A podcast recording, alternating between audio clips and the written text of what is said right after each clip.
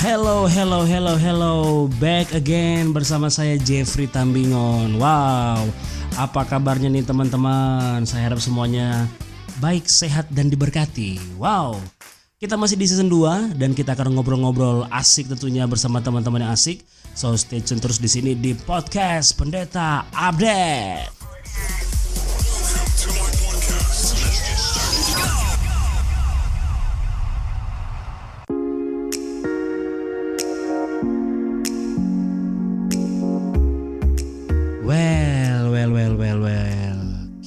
Di episode yang baru hari ini. Dan kali ini saya punya guest luar biasa banget nih. Masih muda, kreatif, wow. Dan tentunya anak pendeta dibesarkan dari seorang, sorry, dibesarkan dari keluarga hamba Tuhan, tepatnya di GPDI Kubu, yakni anak dari pendeta Hotline Simanjuntak. Namanya adalah Grace Simanjuntak. Ini keren banget nih teman-teman. Masih muda, dia ini udah jadi owner dari KRP Clothing. Nah, teman-teman boleh cek deh Instagram KRP Clothing itu khusus menjual uh, baju baju-baju kaos rohani dan saat ini teman-teman telah tersebar di berbagai daerah di Indonesia. Wow, masih muda juga sekaligus sebagai seorang founder dari Cahaya Indonesia atau Yayasan Rumah Anugerah. So tanpa berlama-lama lagi kita akan ngobrol banyak kira-kira ada drama-drama Korea apa dalam kehidupannya sebagai seorang anak pendeta. So please welcome Sis Grace Simanjunta. Woo! Halo halo Grace. Yeay, halo Kak Jeff. Apa kabarnya nih? Oh, puji Tuhan kabarku baik, luar biasa. Wah, gimana nih aktivitas selama pandemi? Lagi sibuk apa aja nih Sis Grace? Selama pandemi ini ya ini ya kita banyakannya daring, banyakan webinar, banyakan oh semua serba-serba online sih. Betul. Wow, luar biasa. Saya sangat bersyukur nih boleh ada seorang Grace di podcast ini. Widih. Oke, sebelum kita lanjut ngobrol panjang lebar nih, boleh dong bagi-bagi cerita perkenalan dulu deh.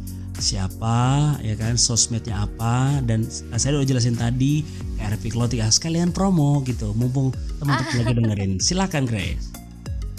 Oke, okay, halo semuanya. Senang banget bisa ada di podcastnya Kak Jeffrey. Ini suatu uh, bangga ya bisa di-invite di sini. Ya, kenalin aku Grace.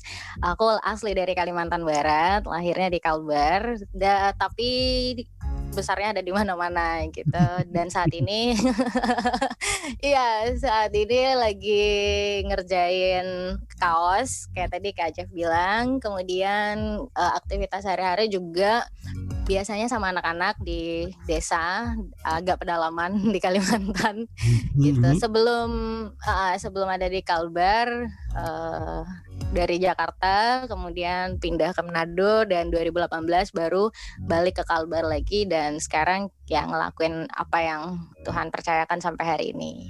Hmm, Instagramnya Instagram KRP Clothing atau sebagainya?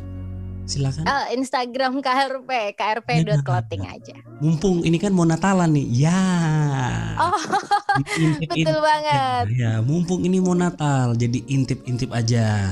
Ya meskipun di tengah-tengah pandemi, kan nggak salah dong kalau kita penampilannya makin kece lewat KRP Clothing. Wih, di KRP Clothing itu apa sih? Biar teman-teman tahu singkatan apa itu KRP Clothing. Jadi KRP itu sebenarnya kaos rohani Pontianak. nah, ini penting banget nih kaos rohani Pontianak. Yeah. Asli buatan Pontianak nih untuk seluruh Indonesia ya. Kayaknya Setuju, betul. Uh, setahu saya udah tersebar di berbagai wilayah Indonesia ya. Hebat banget nih yeah. clothing nih. Wih. saya ingat saya pernah pakai satu dan buat saya itu saya suka banget desainnya itu. Church is you. Widih. Ingat itu. Aku punya satu tuh, Church is you. Ah, keren banget. Jadi boleh diintip-intip. Siapa tahu cocok langsung DM. Pokoknya ini ownernya pokoknya murah hati, humble banget deh. Pokoknya aman. Wih. Nah, nah, nah. Seperti biasa, saya pasti akan bertanya pertanyaan yang sama di awal untuk semua yang ada di podcast ini. Kira-kira Grace, bagaimana nih ketika kamu mungkin harus lewati masa sekolah atau apa sih simpelnya gini apa sih perasaan kamu ketika kamu harus punya embel-embel dalam tanda kutip sebagai seorang anak pendeta silakan Mhm. Well, jadi sebenarnya eh, dulu aku agak em, sampai sekarang sih mikir kalau Mhm. misalnya anak pendeta, aku nggak pernah punya masalah sama embel-embel itu gitu. Hanya Hmm. eh, pandangan masyarakat aja gitu ke aku kan. Jadi orang tahu, wow ini si Gracie nih anak pendeta, misalnya gitu. Nah, em, kalau dulu eh, aku ya cukup kepikiran sama hal itu. Tapi belakangan-belakangan ini aku jadi menyadari bahwa pendeta itu adalah sebuah profesi. Itu terlepas dari pro dan kontra apakah profesi atau panggilan ya banyak orang memper, eh, mempersoalkan soal itu gitu. Tapi eh, buat aku personal kalau eh, orang-orang yang disebut pendeta ya berarti mereka yang memberikan full time-nya waktu penuhnya gitu untuk Time-nya. untuk melayani pekerjaan-pekerjaan Tuhan seperti Mhm. itu. Jadi kalau dibilang gimana aku sebagai anak pendeta, aku statusnya anak bapakku lebih tepatnya. Yang Wih. pendeta bapakku. Ah, Iya, jadi seperti itu. Ha-ha, jadi aku anak bapakku. Nah, pas Mhm. bapakku sebagai pendeta, maka aku disebut anak bapakku, anak pak pendeta. yang pendeta bapakku. So, ya kalau misalnya ditanya kenapa nggak sama-samaan sama bapak, kenapa nggak pendeta ya karena yang pendeta bapakku, bukan aku. Nah, karena tepat Gitu. banget nih. Pas di episode kali ini kan panggilanku bukan panggilan papaku ya kan. Nah, nanti tapi itu nanti kita akan ngobrol-ngobrol lagi. Tapi kembali lagi ke masa kecil. Dengan berpredikat eh apa ya, berstatus lah, berstatus sebagai seorang anak pendeta. Gimana tuh masa-masa sekolah? Pernah merasa aneh sendiri mungkin atau mungkin bangga aku nih loh nih seorang anak pendeta senior di GPDI. Ya kan siapa nggak kenal papaku di daerah kubu misalnya atau mungkin ada apa sih intrik-intrik cile intrik-intrik ada drama-drama apa mungkin masa-masa sekolah dengan mau nggak mau harus berstatus sebagai anak pendeta. Atau teman-teman tahu nggak sih dulu waktu sekolah Grace ini anak pendeta atau kayak gimana? Oke, ini em, waktu sekolah sih eh, aku nggak terlalu punya banyak memori bagus ya, karena pertama kita ya karena kita minoritas di daerah yang tempat aku tinggal waktu aku sekolah kecil dulu. Kalau waktu kecil eh, apakah orang kenal aku sebagai anak pendeta atau enggak? Yes, Mhm. literally mereka tahu gitu, karena the Mhm. only one pastor in Ya. desa Kubu itu cuma bapakku Biasa. doang Hmm. satu-satunya pendeta gitu. Wow. Jadi kalau orang Hmm. lihat aku ya mereka langsung direct, oh oke, ini anaknya Pak Pendeta seperti itu. Jadi maksudnya gini, kamu apa eh, ketika ta- eh, kan rata-rata teman-teman tahu nih, Ngerasain apa gitu ya? Hmm, nggak maksudnya gini, eh, teman-teman jauh ini ini anak pendeta nih, ini suci banget nih, suci banget nih, apalagi udah masa-masa ABG waktu itu gimana tuh? Oh ini anak pendeta kayaknya ini ini paling suci, aduh, atau ada ada gimana? Atau biasa aja, atau mungkin malah itu seperti apa gitu kira-kira? Eh, biasa aja sih, biasa Oh, gitu? aja. Karena memang, ah, ah, karena memang di sana em, ke- orang pasti tetap sih langsung kayak kita udah punya brand, udah di labelin ya, lo anak pendeta Mhm, gitu. mhm, mhm. Tapi secara pergaulan, secara sosial di masyarakat, ya untuk aku pribadi, aku nggak punya rasa yang gimana-gimana aneh banget. Jadi memang Mhm. aku menjalani aku sebagai seorang anak atau seorang remaja Mhm. sama aja dengan yang lainnya. Tapi kalau kalau yang lain memperlakukan aku, aku nggak tahu ya perasaan mereka. Tapi kalau aku sendiri sih nggak pernah mendapatkan perlakuan yang aneh atau Beda apa gitu, gitu ya. sebagai anak pendeta enggak. ah. Hmm, tapi gimana dengan jemaat? Nah, jemaat nih. Wih, itu anak pendeta nih, ya kan? Kok anak pendeta kayak gitu? Atau kayak gimana? Atau ya mungkin ya jemaat ya biasa-biasa aja atau mungkin ada apa ya ekspektasi-ekspektasi tertentu ke Grace waktu masa-masa sekolah gitu. Apalagi kan ih kok anak pendeta kok bajunya kayak gitu. Kok jamnya kan kita kan sebagai anak pendeta biasanya dipantau 24 jam dengan semua orang yang mengenal papa kita sebagai gembala. Nah, kira-kira dengan jemaat sendiri? Oke, uh, ini kita jujur-jujuran aja ya di sini di ya. tempatnya.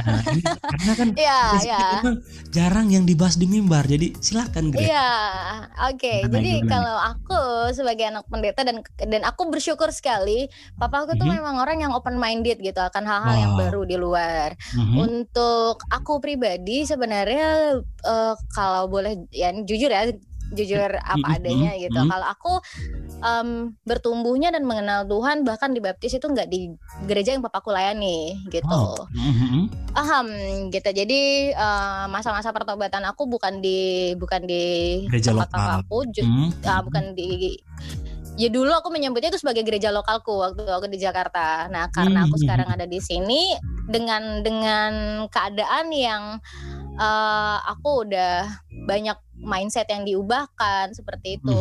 Mhm, Jadi mhm. perilaku perilaku juga akhirnya em, membentuk kita untuk melakukan sesuatu yang membentuk ah, gimana? Membentuk cara pandang masyarakat atau cara pandang jemaat ke kita gitu. Kalau dulu dulu aku cukup nggak nyaman ya nggak nyamannya karena ya tentu Mhm. orang pasti punya ekspektasi ekspektasi oh ini kan Nah. anak pendeta gitu Ya, ya anak pendeta ya harusnya dia bisa sorry bisa kayak gini Ya, bisa kayak gitu ya seperti itu dan bahkan dulu juga waktu aku masa ma- masih kecil-kecil gitu kan Mhm. sampai pakaian gitu mesti diatur waktu aku gitu. masih SD Pakai ya waktu SD gitu. SMP Oh. Eh kalau jemaat sih nggak terlalu sih ya karena jumlah jemaat itu kan kita nggak banyak itu eh, masih bisa dihitung satu tangan dan dua tangan tuh masih bisa. Jadi jumlah ah, ah, gitu. Dan itu pun jumlahnya itu kalau dipersentasekan justru eh, itu bahkan 80 sampai 90 persennya dari total eh, masyarakat Kristen yang ada di desa tempat eh, papa pelayanan seperti itu. Oh, gitu. paling ini sih dari rumah sih. Jadi kayak dulu waktu kecil tuh papa suka bilang kayak gini. Hmm, gimana tuh? "Eh, kamu kan anak eh, gembala gitu kan anak pendeta jangan sampai begini jangan sampai begitu jangan sampai begini. Dan akhirnya lama-lama aku bosan dengan kata-kata seperti itu kan kayak aku apa sih? gitu loh mesti kayak aku harus pakai inilah pakai itulah pakai ini bla bla bla bla, kayak gitu. Hmm, ya. tapi itu waktu masih kecil Ya, ini masih kita masa lalu, masa lalu. Yes. Ah, SD waktu aku masih SD SD sama kelas 5 kelas 6 pas SMP itu kan pengen banget tuh nyoba-nyobain pakaian-pakaian yang aneh-aneh gitu kan lagi pengen-pengennya cari jati diri, pengen Betul. punya sebuah pengakuan diri, aktualisasi diri gitu. Nah, di Mungkin situ lebih banyak masuk- di- Mhm, lebih banyak dibatasinya. mungkin mau pas masuk masa-masa remaja ABG pakai apa namanya jeans yang sobek sedikit itu terlalu dunia gitu kan. Rip jeans ya. Nah, itu duniawi. itu bukan teman banget gitu. Pernah ngalamin gitu juga? Maksudnya hal-hal se, se, sih. seinter-inter gitu enggak juga ya? Ah, enggak sih. Karena memang aku nggak suka rip jeans. Oh gitu. Nah, Iya. anyway, teman-teman pendengar, jadi Sis Grace ini bukan sekedar sebagai pengusaha muda, sebagai founder yayasan juga masih muda. Beliau ini juga seorang worship leader loh teman-teman. Nah, biasanya dengan tim musiknya biasa biasa melayani event-event besar nih. Kalau nggak salah saya pernah lihat dulu biasanya event tahunan GPDI kalau nggak salah apa ya perkemahan ya biasa sis ya. Eh, ya. Hmm, baru ah, tahun kemarin saya ingat eh, ini eh, Natal Asosiasi Pendeta Indonesia ya kalau nggak salah ya. Hmm, Hmm, wah, ya betul. luar biasa. Jadi multi talenta lah ini, sangat multi talenta. Wow. Oke, kita kembali ngobrol lagi nih. Tapi gimana waktu masa kecil pernah gak sih papa dari Grace itu memaklumatkan, wih memaklumatkan atau apa ya, memberikan suatu pressure atau tekanan atau suatu keharusan kamu besar harus jadi pendeta. Papa ini pendeta, ya kan? Papa pendeta, Hmm. dan kamu harus lanjutkan apa yang telah papa bangun selama berpuluh-puluh tahun ini di daerah ini. Pernah nggak sih? Oh, kalau kayak gitu sih justru enggak ya. Oh. Aku dan adikku ya, jadi ya itu makanya aku bersyukur sekali punya papa yang open minded banget dan dia memberi Hmm. kebebasan kepada anak-anaknya untuk eh, menangkap isi hati Tuhan buat setiap anak-anaknya gitu. Jadi kita ditekankan untuk what is the purpose of life dalam Yes. hidupnya kamu, tujuan hidupnya kamu tuh apa gitu. Mhm, mhm, Jadi lebih kepada uh, dia ngasih kita kebebasan untuk mengenal what is our passion, apa yang menjadi uh, passionnya kita gitu. Hmm. Kalau misalnya kita suka something, kita suka sesu ngelakuin sesuatu, ya udah fokus to doing that, langsung hmm. kita kerjakan kayak gitu. Dan kalau udah kerjakan, be consistent. Jadi benar-benar konsisten, jangan kayak uh, satu bulan dua bulan semangat ngerjain ini dan kamu udah ngelakuin hal yang lain lagi. Nah itu ya nggak akan pernah nggak akan berhasil karena kamu berubah terus berubah terus berubah terus lebih kayak gitu sih. Hmm, kalau dalam aktivitas nih kan sebagai anak pendeta, ayo bangun pagi jam 3 subuh misalnya wajib doa gitu kan. Ah. puasa seminggu 8 hari, eh 8 hari, 8 kali. itu kira-kira pernah nggak sih ngalamin ngalamin hal-hal kayak gitu atau pokoknya Grace uh, kamu lihat papa seperti gini atau seperti gimana? Ah, ya seru ya pertanyaannya. Tapi ini memang udah-udah real ya. Banyak kan uh, uh, banyak kan anak-anak anak-anak gembala karena tinggalnya di di di pastori mm -hmm. gitu kan di tempat uh, di, di di rumah di mana mm -hmm. sang bapak pendeta itu tinggal. Mm -hmm. Jadinya bahkan bukan cuma anak-anak sampai orang-orang yang tinggal di situ juga biasanya ngikutin gitu kan budaya uh, si gembalanya gitu. Nah, mm -hmm. dulu waktu awal-awal um, jadi setiap pagi dan setiap sore itu kita ada mesbah keluarga gitu. Jadi uh, pagi-pagi papa udah bangunin semuanya. Terus uh, ya kita worship bareng kita berdoa sama-sama dan uh, berjalan setiap hari sampai aku gede. Tapi karena dari diri aku aku belum menemukan sesuatu yang kenapa sih aku harus bangun pagi kenapa sih aku harus ngikut-ngikut nyanyi harus nyembah Tuhan dan segala macam aku nggak menemukan poin pentingnya waktu itu. Jadi aku nggak tahu tahu aku hanya melakukan sebuah rutinitas sebuah ritual but I don't have spiritual relation with God gitu. Aku punya real aku punya ritualnya tapi aku nggak punya nggak punya spiritualnya gitu. Jadi kayak melakukan sesuatu tanpa meaning gitu. Jadi aku lama-lama bosan. Mm. ini ini kejadian juga dengan waktu aku mau dibaptis. Jadi waktu itu ditanya juga gitu kan kamu kan udah keluar ke mana-mana gitu udah pergi pergi ke sana kemari dan orang tahu papamu pendeta tapi kamu umur umur sekian kamu belum dibaptis. Lalu aku juga ngelemparin pertanyaan hal yang sama. For what? I got hmm, baptized to for what? hmm, gitu. hmm, buat apa sih? Gitu. Jadi karena aku memang tipe orang yang yang nggak hanya mau papa ngomong apa aku ikutin gitu. Tapi aku harus dapatin dulu nih. Ini kenapa aku ngelakuin ini? Why I should doing that? Kenapa sih aku penting banget ngelakuin ini? Kalau aku hanya ngikut-ngikut aku lebih lebih mending enggak gitu. Nah, nah kalau doa pagi dan doa sore akhirnya kita discuss di rumah. Papa tuh tipe hmm. orang yang uh, salah satu bahasa kasihnya tuh quality time. Jadi wow. salah satu yang dia lakukan tuh uh, dia menghabiskan waktu bersama keluarga kemudian discuss gitu. Kayak dia dia kesel misalnya anak-anaknya nggak mau bangun pagi. Kita diberi waktu diberi ruang untuk kenapa kamu nggak mau bangun pagi? Kayak gitu. Karena kan itu zaman zamannya kayak kayak ya ampun pengen tidur dan dan kalau mau tidur tuh nggak usah diganggu please gitu biasanya kalau papa udah mau bangunin Mm-hmm. Dia banguninnya kalau anak-anak pada nggak mau bangun, dia ngambil gitar. Kan papa nggak bisa main gitar ya. Oh, di, Jadi dia tuh ngambil. Kodenya pakai gitar. Iya, di ya? Kode kodenya tuh dipakein gitar karena kita tuh kan risih. Jadi di, di kepala kita tuh udah terbiasa dengerin musik yang yang mm-hmm. sesuai harmoni gitu kan, yang yang yang enak lah intinya.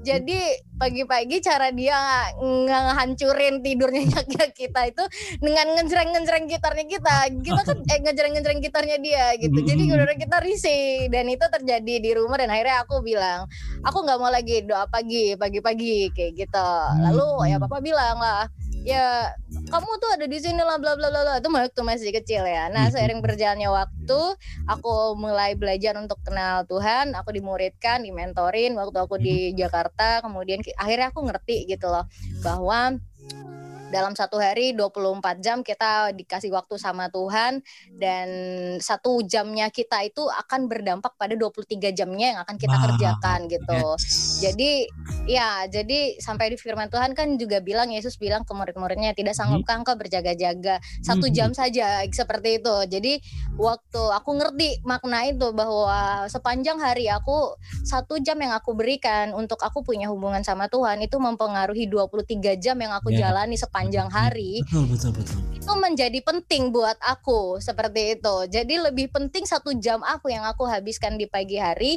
uh, dengan dengan hubungan yang aku bangun dengan Tuhan, mm-hmm. uh, akhirnya membuat aku tahu, oke, okay, I need to doing that gitu loh. Tuhan hmm. sebenarnya memang memang uh, aku mau berdoa atau enggak berdoa, He is God and He still good gitu loh.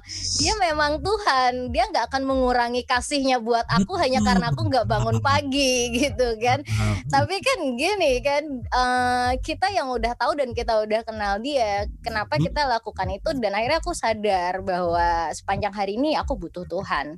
Aku nggak bisa nih hidup tanpa penyertaan Tuhan. So benar-benar aku butuh Tuhan Tuhan untuk Tuhan sertai aku wow. dan karena hidup ini penting buat Tuhan mm -hmm. jadi ya kita kasih waktu itu buat Tuhan gitu wow. sih jadi akhirnya sekarang kita karena udah discuss ya di rumah ya jadi udah discuss dan uh, Ezer adekku juga kami bertumbuh di gereja yang sama di Jakarta mm -hmm. kita juga waktu itu pelayanan di mentoring dimuridkan di sana dan akhirnya mm -hmm. kita juga diutus untuk memuridkan lagi di gereja waktu di Jakarta akhirnya kita jadi ngerti gitu poin-poinnya kemudian kita discuss di rumah dan sejak hari itu papa udah nggak pernah lagi paksa kita bangun pagi karena ini sih mm-hmm. karena perubahan hidup ya perubahan hidup di rumah perilaku kita itu akhirnya membuat orang tua jadi tahu bahwa anak ini nih benar-benar punya hubungan sama Tuhan tanpa harus disuruh hmm, bangun pagi yes. seperti itu.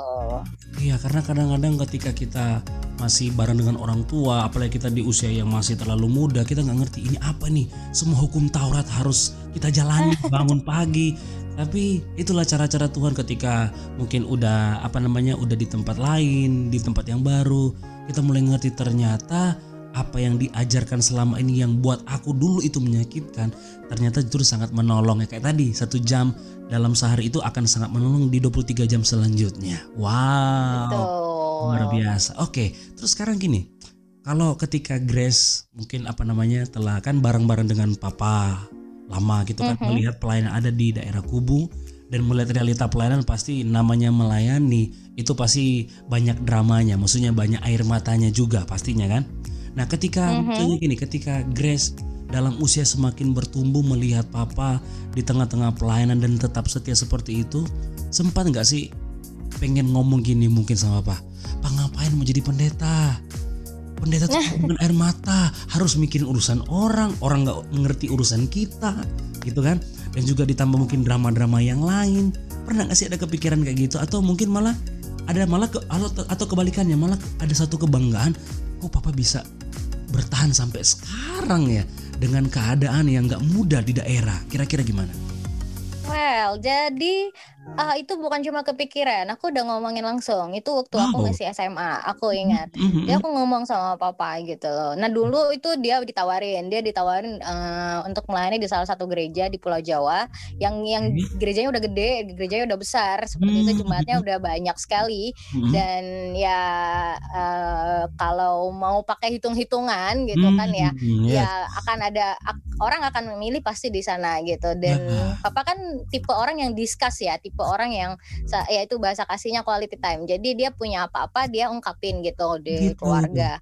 Sampai Jadi, masalah, uh, juga ya, masalah pelayanan ini juga ya. Didiskus satu keluarga ya, gitu ya.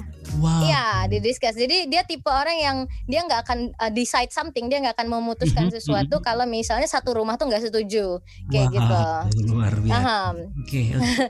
Jadi uh, saya bilang, uh, Papa ngapain sih pelayanan di tempat yang kayak gini? Ini udah daerah pedalaman, susah. Mm-hmm. Dulu tuh susah, apa-apa susah lah pokoknya. Mm-hmm. Sinyal pun susah, listrik susah, apa-apa susah gitu. Kita mau cari apa dengan aku yang udah udah ngerasa ngerasain kenyamanan hidup di Jakarta gitu kan. Nah, jadi uh, uh, uh, jadi perbedaan yang sangat drastis antara langit dengan bumi itu aku rasakan gitu. Jadi nah, iya. aku bilang gitu. Tapi papa cuma bilang kayak gini, satu hari kamu akan tahu kok jawabannya, kayak gitu. Ini, nah, ya, ya dia cuma ya? ngomong kayak gitu, cuma kayak gitu deh. Aku ingat banget. itu itu waktu itu di kamar gitu. Jadi kita punya punya momen-momen yang kayak um, semua pada ngumpul di kamarnya papa semuanya hmm. pada ngumpul di situ terus kita udah cerita apa aja deh pokoknya gitu terlepas dari mau tersinggung atau enggak marah atau enggak kita hmm. ngomong deh pokoknya semua di situ itu salah satunya itu itu mungkin itu adalah salah eh, mungkin itu kata-kata yang nggak nyaman didengar oleh uh, hamba Tuhan yang udah dapat panggilannya di daerah seperti itu gitu nah, aku ngomong ya. papa ngapain sih ada di tempat kayak gini bla bla bla bla kayak gitu kan. Tapi dia dengan simpel dia cuma bilang suatu hari kamu pasti tahu kok jawabannya. Kayak gitu. Ya. and yeah and now I know gitu. Dan sekarang aku tahu gitu jawabannya. Even dia bukan bapakku sekalipun dia bukan bapakku sekalipun dia orang lain ya karena mm -hmm. dia bapakku jadi aku bersyukur. Sekalipun dia orang lain aku benar-benar bangga sama dia karena ke ngelihat apa yang dia lakukan di ini dia pelayanan udah hampir 39 tahun di desa wow, itu 39 Den tahun. ya yes. dengan hampir tiga dengan hampir 39 tahun setiap pelayanan baik kecil ataupun besar dia lakukan dengan kualitas yang sama. He wow. is my father yang melakukan sesuatu dengan the best quality-nya dia. Hmm. The best version-nya dia dia kasih gitu untuk pelayanan. Whatever it is, mau itu pelayanan dalam bentuk jasa, mau itu pelayanan dalam bentuk materi, mau itu pelayanan dalam bentuk apa pun, dia tetap giving the best-nya dia seperti itu. Hmm, luar biasa ya. Wow, sampai segitunya ya. Wow. Ya, dan dan itu benar-benar teladan buat aku, buat Ezer gitu, buat kami semua yang melihat hidupnya itu jadi benar-benar cerita yang benar-benar nggak sekedar cerita gitu, tapi cerita yang hidup dan akhirnya membuat kita jadi belajar. Kalau kita ngelakuin sesuatu, melakukan dengan kualitas yang benar-benar terbaik, yang excellent hmm. gitu. Yeah. Jadi mau mau dia jemaatnya yang hadir misal ya, kalau hmm. misalnya hmm. kita tuh hadir banyak itu ya sekitar 20-an. Kalau yang hadir tuh 20-an atau yang hadir satu, kita beberapa kali gitu di di, di gereja yang hadir cuma satu orang gitu. Mm-hmm. Dia tetap mempersiapkan khotbah seperti dia mempersiapkan khotbah orang banyak. Ah, gitu. Jadi nggak ya, berubah, ya? jadi nggak berubah. Nggak ya? berubah. Dia nggak mm-hmm. merubah apa yang dia udah siapkan. Misalnya saya dia dia siapkan uh, khotbah nih kan untuk udah satu tema dengan mm-hmm. temanya plug ini gitu. Nah mungkin kan biasa kalau orang mempersiapkan uh, khotbah karena dia juga udah tahu kondisi jemaatnya seperti ini, mm-hmm. yang datang nanti akan kayak gini. Pembicara-pembicara lah ya, bukan cuma iya. pendeta yeah. gitu. Yeah tapi uh, uh, hampir semua speaker pasti mereka tahu oh ini audiensnya. Oh kita akan nyampein ini gitu. Nah mm-hmm. dia even dia cuma satu orang aja dia tuh akan tetap sampaikan hal yang sama seperti itu. Dan itu benar-benar bikin kita really proud of him. Iya ya bener uh-huh. banget. Iya karena kan kalau jujur aja nih ya kita aja sebagai hamba Tuhan pendeta ketika udah mempersiapkan segala sesuatu udah dalam ekspektasi wah sekian yang hadir gitu kan. Tiba-tiba datang di luar ekspektasi kita gitu dalam arti dari segi jumlah itu bisa juga jadi apa ya moodnya bisa down gitu hilang gitu ya. down dan sebagainya. Wow ini luar biasa. Nah ini kita ngomong agak sedikit gimana nih? Nah bagaimana kalau relationship relationship apakah dari orang tua punya hukum Taurat tersendiri? Pokoknya kalau mau pacaran atau nanti bakal jadi pasangan kamu kelak harus A B C D contohnya harus bisa bahasa roh mungkin atau baca Alkitab dari perjanjian sampai perjanjian lama perjanjian baru harus tamat gitu. Kira-kira kayak gimana?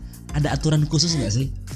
Sejak sama sekali enggak. Dia benar-benar hmm. dia benar-benar uh, papa yang tampilan jadul tapi wawasannya pemikirannya benar-benar up to date banget deh gitu pokoknya. gitu ya? wow. sama sekali enggak. Ya aku dan Ezer kita kita benar-benar bangga lah. Aku senang banget lah kalau ngomongin soal relationship kita ngomongin soal pasangan hidup dan lain-lain. mm -hmm. dia cuma dia cuma bilang satu cinta Tuhan mengenal wow. Tuhan pastinya dan mengasihi Tuhan. Yang kedua ya cinta kalian. Dia bilang kayak gitu. iya terus kita nggak punya nggak punya kriteria apa apa dari orang tua sih Wow, sehat. Dan mungkin juga hmm. karena orang tua tahu kita dan kita mengandalkan Tuhan, kita mengandalkan uh, pekerja, uh, maksudnya kita mengandalkan Tuhan bekerja untuk pasangan hidup masing-masing. Jadi papa juga nggak pernah ngarah-ngarahin yang kayak uh, strict banget gitu ya musik kayak gini, musik sama sekali nggak. Sampai hari ini aku belum pernah mendengar dia bilang kamu harus dapat pasangan kayak gini nggak pernah. Hmm. Aku yang justru nanya, Papa, papa mau kalau aku punya pasangan, papa mau pasangan kayak gimana? Ya mau kayak gimana? Ya jalanin kan kamu katanya ah, gitu. Keren. Nah sekarang kan gini, kan udah lama melalang buana Cile melalang buana, udah apa namanya, udah apa namanya ya, udah pergi ke berbagai daerah, bahkan tadi kan udah mengenal Tuhan, bahkan dari Jakarta dan sebagainya. So kenapa harus kembali lagi ke kubu dan membangun ah pendidikan tadi. Kenapa? Kenapa nggak lagi okay. seorang Grace yang multi talenta dan saya percaya pasti akan ada banyak tawaran sana sini. So kenapa harus balik situ lagi? Yang notabene oh. tadi bilang kan, udah ngerti yang namanya uh, metropolitan, udah ngerti yang namanya dunia pelayanan di luar sana yang mungkin dalam tanda kutip lebih menjanjikan dan sebagainya. Tapi kenapa lagi-lagi dunia pendidikan plus KRP clothing menjadi passion namanya. Nah, kira-kira gimana nih? Kenapa nggak mau jadi hamba Tuhan? Kenapa nggak mau jadi apa ya menggembalakan dan sebagainya? Atau mungkin ada tawaran-tawaran di luar sana secara nih secara nih kualitas dari Grace ya semua udah tahu deh banyak gereja udah kenal Grace tapi kenapa intinya kenapa harus kembali ke kubu dan membangun yayasan ini gimana kira? Oke oke aku uh, um, ya seneng ya bisa cerita ini gitu dan okay. gini kalau kalau dibilang hamba kenapa nggak jadi hamba Tuhan gitu um, kita harus hmm. sepakat dulu sama-sama definisi dari hamba Tuhan Sip. hamba Tuhan adalah seseorang yang melayani Tuhan memberikan sepenuh hatinya untuk Tuhan That's... seperti itu mm-hmm. jadi kalau dibilang kenapa nggak jadi hamba Tuhan I'm hamba Tuhan now ya. gitu jadi uh, saya seorang hamba Tuhan karena dulu saya mungkin hamba setan ya hamba hmm. yang yang mengabdi kepada nggak tahu kepada apa gitu ya tapi sejak sejak saya serahkan hidup saya kepada Tuhan sejak um, ya aku uh, tinggalkan masa lalu dan hidup mm -hmm. dengan kehidupan yang baru saat itu aku ngambil keputusan untuk uh, aku mau ikut uh, Yesus gitu Lain aku mau ya. menyerahkan yes. ya sepenuh sepenuh hidupku sepenuh okay. hatiku buat Yesus sih gitu jadi um, ya aku melayani dengan cara dengan bidangku yang saat ini. Yeah. Kalau oke okay, pertanyaannya kan kenapa aku balik ke Kalimantan ya? udah ada Jakarta, udah di Manado, bahkan iya, sampai Papua juga kak. Bahkan bahkan setahu saya nih, setahu saya Grace ini sering kerjasama dengan apa ya, dengan uh, dari apa ya, dari luar negeri ya kan, uh, sering uh, punya channel dengan teman-teman di luar negeri. So kenapa harus kembali ke Kalimantan Barat? dan bahkan di Karena... daerah yang cukup jauh dari kota ya kan gimana gimana silakan karena perjalanan sama bule-bule itu yang membuat akhirnya saya balik sebenarnya sih. Oh, itu? Malah iya, jadi... tempat bule itu?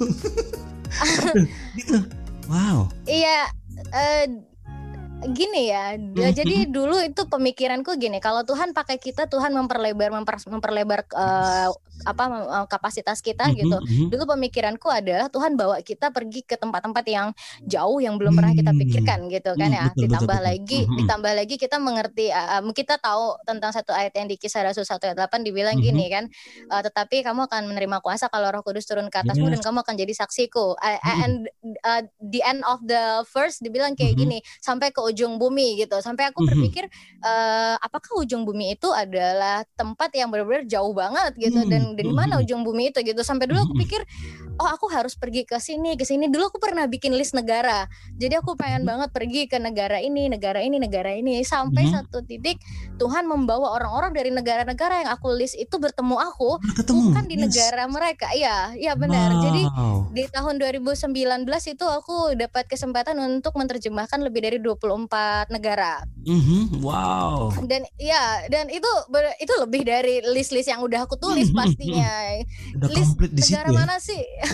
list negara mana sih yang kita pengen kunjungi gitu pasti ya mm-hmm. kayak kita pengen ke Australia, kita pengen ke Amerika, kita yeah. pengen ke ini ke dan ini aku sampai aku menerjemahkan orang dari Bulgaria. Where is Bulgaria? Oh. I never know gitu. Mm-hmm. Bulgaria dan ya dan uh, daerah-daerah lain lagi gitu banyak banget.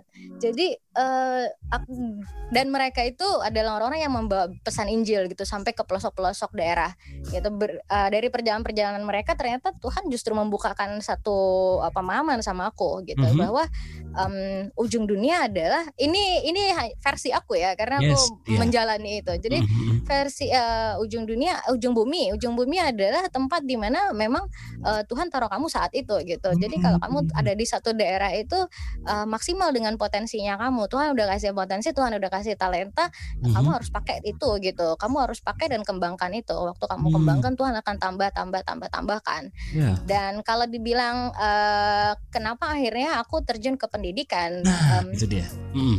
ah ya karena gini um, jadi daerah tempat aku tinggal ini kan bisa disebut um, kita itu kalau kalau uh, teman-teman yang um, mengikuti mengikuti perkembangan perjalanan misi ya kita mm-hmm. itu masuk dari da, kita masuk suku UUPG gitu, uh, Unreached People Group. Yes. Jadi daerah tempat aku tinggal saat ini adalah daerah yang terabaikan, ya? suku, hmm. suku terabaikan betul, hmm. yang belum terjangkau. Nah, uh, definisi dari UUPG itu sendiri suku terabaikan itu adalah uh, jumlah orang percayanya kurang dari satu persen dari popula populasi masyarakat hmm. gitu, dan itu ada di daerah tempat papaku tinggal. Hmm. Jadi kemudian aku berpikir, papaku udah 30 hampir 39 tahun pelayanan dan kita belum punya kita belum menemukan satu orang lokal pun, suku lokal pun yang hmm. memberikan hidupnya kepada Yesus gitu. Nah, kalau uh, seluruh aktivitas yang aku kerjakan kan sebelum aku pindah ke Kalimantan Barat gitu. Jadi hmm. memang kita um, adanya di pelayanan misi. Jadi uh, segala sesuatu yang kita kerjakan kita selalu hubungkan dengan amanat agung, the Great Commission. Yes. Jadi uh, firman Tuhan bilang pergilah jadikanlah semua bangsa muridku, baptislah mereka dan ajarlah mereka untuk melakukan segala apa yang Yesus perintahkan gitu dan ketahuilah Yesus menyertai Roh Kudus Tuhan menyertai kita sampai uh, pada akhir zaman. Nah, jadi aku berpikir kalau misalnya Tuhan suruh kita pergi, Tuhan suruh kita ngajar, Tuhan suruh kita melakukan sesuatu, percaya aja Tuhan Yesus menyertai. Allah aku mulai, mm-hmm. uh, aku agak aku agak pemikir ke orangnya. Jadi apa-apa yang dilakukan tuh kadang aku suka pikirkan kalau memang Tuhan Yesus menyertai, kenapa kok 39 tahun pelayanan papa kok belum ada nih hmm. satu orang lokal yang yang melayan yang memberikan hidupnya kepada ya. uh, Yesus gitu. Hmm, hmm. Lalu kemudian aku ngomong sama papa, ya memang uh, Tuhan punya cara beda-beda ya papa bilang. Lalu kemudian aku ingat satu ayat di dalam Yohanes uh, 8 ayat 32 ya. Aku aku lupa hmm. uh, alamatnya di mana. Pokoknya dibilang gini, and you will know the truth and the truth will set you free dan kamu akan tahu hmm. kebenaran dan kebenaran akan memerdekakan kamu. Yes. Uh, seseorang akan merdeka itu kalau dia tahu kebenaran. So pertanyaannya kebenaran seperti apa sih yang membuat orang jadi akhirnya bisa merdeka ya mm-hmm. kebenaran berdasarkan dengan firman Tuhan yes. lalu aku mulai mikir gitu bagaimana mm-hmm. supaya orang-orang di desa ini bisa kenal firman Tuhan lalu aku keingat di dalam Roma pasal 10 ya dibilang kayak gini kalau misalnya nggak ada yang memberitakan kepada mereka bagaimana mereka bisa mm-hmm. mendengar gitu kan ya kalau misalnya mereka nggak ada yang beritakan eh uh, kalau misalnya uh, bagaimana bagaimana ada yang bisa memberitakan kalau nggak ada yang diutus ya. seperti itu selama ini aku diutusnya tuh dari gereja lokalku di Jakarta hmm Jadi diutusnya tuh ke berbagai daerah ya. Jadi kayak aku pernah stay di Tondano, pernah stay di Manado, terus mm-hmm. yang kita layani memang orang-orang Papua seperti itu. Bahkan aku pernah diutus sampai ke Papua yang kita layani mm-hmm. itu masyarakat-masyarakat. Aku diutus oleh gereja lokal saat itu dan okay. karena statusnya aku memberi diri sebagai pelayan misi. Lalu aku ingat ayat ini, lalu aku berpikir um, siapa yang akan memberitakannya kalau tidak diutus? Aku merasa aku okay. udah di sini nih, udah di Kalbar nih, gitu kan? Either aku diutus siapa, aku nggak tahu. Apakah Kalbar tempat yang tepat buat aku? Aku juga nggak tahu, gitu. Aku, apakah aku nih sedang di track yang tepat untuk melayani Tuhan? Aku juga nggak tahu. Tapi sekarang aku ada di sini, gitu. Kalau aku ada di sini, artinya aku harus hidup memberi buah. Paulus bilang kayak gitu yes. gitu kan. Jadi hidup tuh harus memberi buah, gitu. Jadi aku harus memberi buah. Aku harus uh, kesejahteraan tempat tinggalku adalah kesejahteraannya aku. Bagaimana nah. mereka bisa dengar Injil? Mereka harus tahu sesuatu yang benar. Gimana supaya mereka tahu sesuatu yang benar? Mereka harus diajar. Dari situ aku terpinta terlintas apa pemikiran aku bahwa uh, kita butuh edukasi, kita butuh pendidikan, kita butuh okay. sesuatu yang membukakan wawasan masyarakat, wawasan anak-anak gitu. Jadi akhirnya dari situ aku memutuskan Tuhan, aku mau nih kalau Tuhan mau untuk aku buka sesuatu di bidang pendidikan kan aku mau jalani ini. Even aku tahu aku terbatas banget. Dan itu hmm. bukan bidangku. Itu bukan bidangku. Tapi seiring berjalannya waktu teman-teman di bidang pendidikan akhirnya datang untuk visit dukungan akhirnya support oh, dukungan wow. gitu jadi benar-benar benar-benar teman-teman yang yang fokus fokus mereka di bidang pendidikan akhirnya nawarin diri Grace kita um, zoom sama adik-adik yuk di uh, kubu akhirnya berbagi ilmu waduh aku uh, baru-baru ini kita ada pelatihan robotik gitu dari wow. uh, secara vir ya secara virtual mm-hmm. aku kayak wow ini gila sih ini keren banget gitu. Di da, di desa anak-anak di, uh, diajarin tentang logika tentang um, analisis dan itu menggunakan virtual dan semua anak-anak di kelas itu mereka nangkep gitu. Kalau ditanya aku apa aku bisa? Enggak bisa sama sekali. Itu bukan bidangku gitu. Aku kuliahnya uh, range-nya uh -huh. dari usia sampai dari berapa sampai berapa tuh range-nya tuh kita anak-anak kita punya hmm. dari usia 5 sampai dengan 16 tahun. Nah, dan itu terbuka seluruh masyarakat di situ atau mungkin dari terbuka. gereja? Terbuka ya semua ya. Nah, siapa pun kita, boleh gabung. untuk betul. Wah. Dan lucunya lagi, bersyukurnya lagi tuh di tempat kita itu uh, anak-anaknya yang ada itu hmm. terdiri dari banyak sekali suku, banyak sekali agama. Nggak banyak sekali wow. sih. Ya wow. kalau dibilang lima agama atau enam agama di situ komplit komplit semua. Wih luar biasa ya. Jadi ini yang menjadi apa ya menjadi pintu yang kalau saya kasih gambaran pintu yang Tuhan kasih di sinilah lewat pendidikan inilah penjangkauan itu bisa terjadi ya maksudnya Grace bisa bawa mungkin dengan cara seperti apa dengan cara-cara Tuhan sehingga mereka pendidikannya bisa terlayani plus hmm, jadi ya kan ah hmm, Iya. Gimana, Hmm. Jadi, jadi pendidikan itu kan memberikan sesuatu pengetahuan kan kepada nah, anak-anak gitu. Banget, betul, betul, nah, Uh, uh, selama ini aku melihat uh, di beberapa kalangan yang eh di beberapa circle aku gitu. Mm -hmm ketidakseimbangan itu membuat akhirnya kita sulit untuk maju. Contohnya misalnya kalau misalnya kita gini yang yang aku maksud ketidakseimbangan gitu ya. Kalau misalnya seseorang itu rajin banget ibadahnya, rajin banget mm-hmm. ritual mm-hmm. agamanya ya mm-hmm. whatever whatever itu agamanya ya.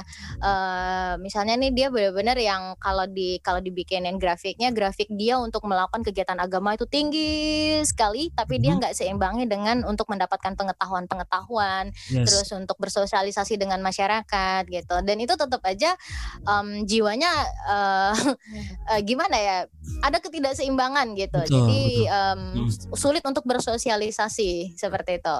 Nah akhirnya kalau sulit bersosialisasi ini berdampak pada perilaku seseorang perilaku terhadap orang lain gitu. Hmm. nah dari situ uh, ya aku berpikir ya aku aku berpikir bahwa penting banget untuk kita punya satu wadah untuk mm -hmm. memberikan wawasan sebanyak-banyaknya kepada anak-anak gitu. Jadi memang mm memang terlepas dari penjangkauan kita udah nggak lagi sebut ini sebagai penjangkauan sih tapi lebih kepada hmm. pengabdian gitu pengabdian, pengabdian kepada iya. bang uh, pengabdian kepada bangsa pengabdian kepada uh, yeah. daerah tempat tinggal dan yang paling penting mensyukuri setiap kesempatan yang Tuhan bukakan yes gitu. intinya sih seperti tadi ya kesejahteraan kota tempat di mana Grace tinggal merasa terpanggil untuk turut ambil bagian di dalamnya Nah, betul. Sekarang kan gini Grace, waktu Grace memulai ini, kira-kira ada tantangan gak sih?